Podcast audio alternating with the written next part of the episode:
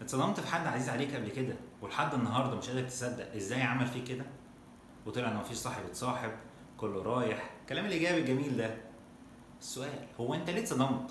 مع إنك عارف إن كل الناس بتغلط وإن مفيش حد كامل. ببساطة التوقعات. أبسطها لك. أنا متوقع جبت 90% وجبت 70% هتنكد طبعا. بس أنا متوقع أجيب 50% وجبت 70% هزقطط الواقع واحد بس مشاعري اختلفت. مش عشان النتيجة اختلفت عشان توقعاتي اللي اختلفت. هي هي بالظبط مع الناس. أنا برسم صورة عن كل شخص في حياتي والعقل بيقارن الصورة دي بالواقع. لو الواقع أوحش هنا الصدمة. العقل مش بيفكر إن المشكلة في الصورة اللي أنا راسمها له. لا دي بالنسبة له الصح. دي الفريم اللي بيفكر بيه.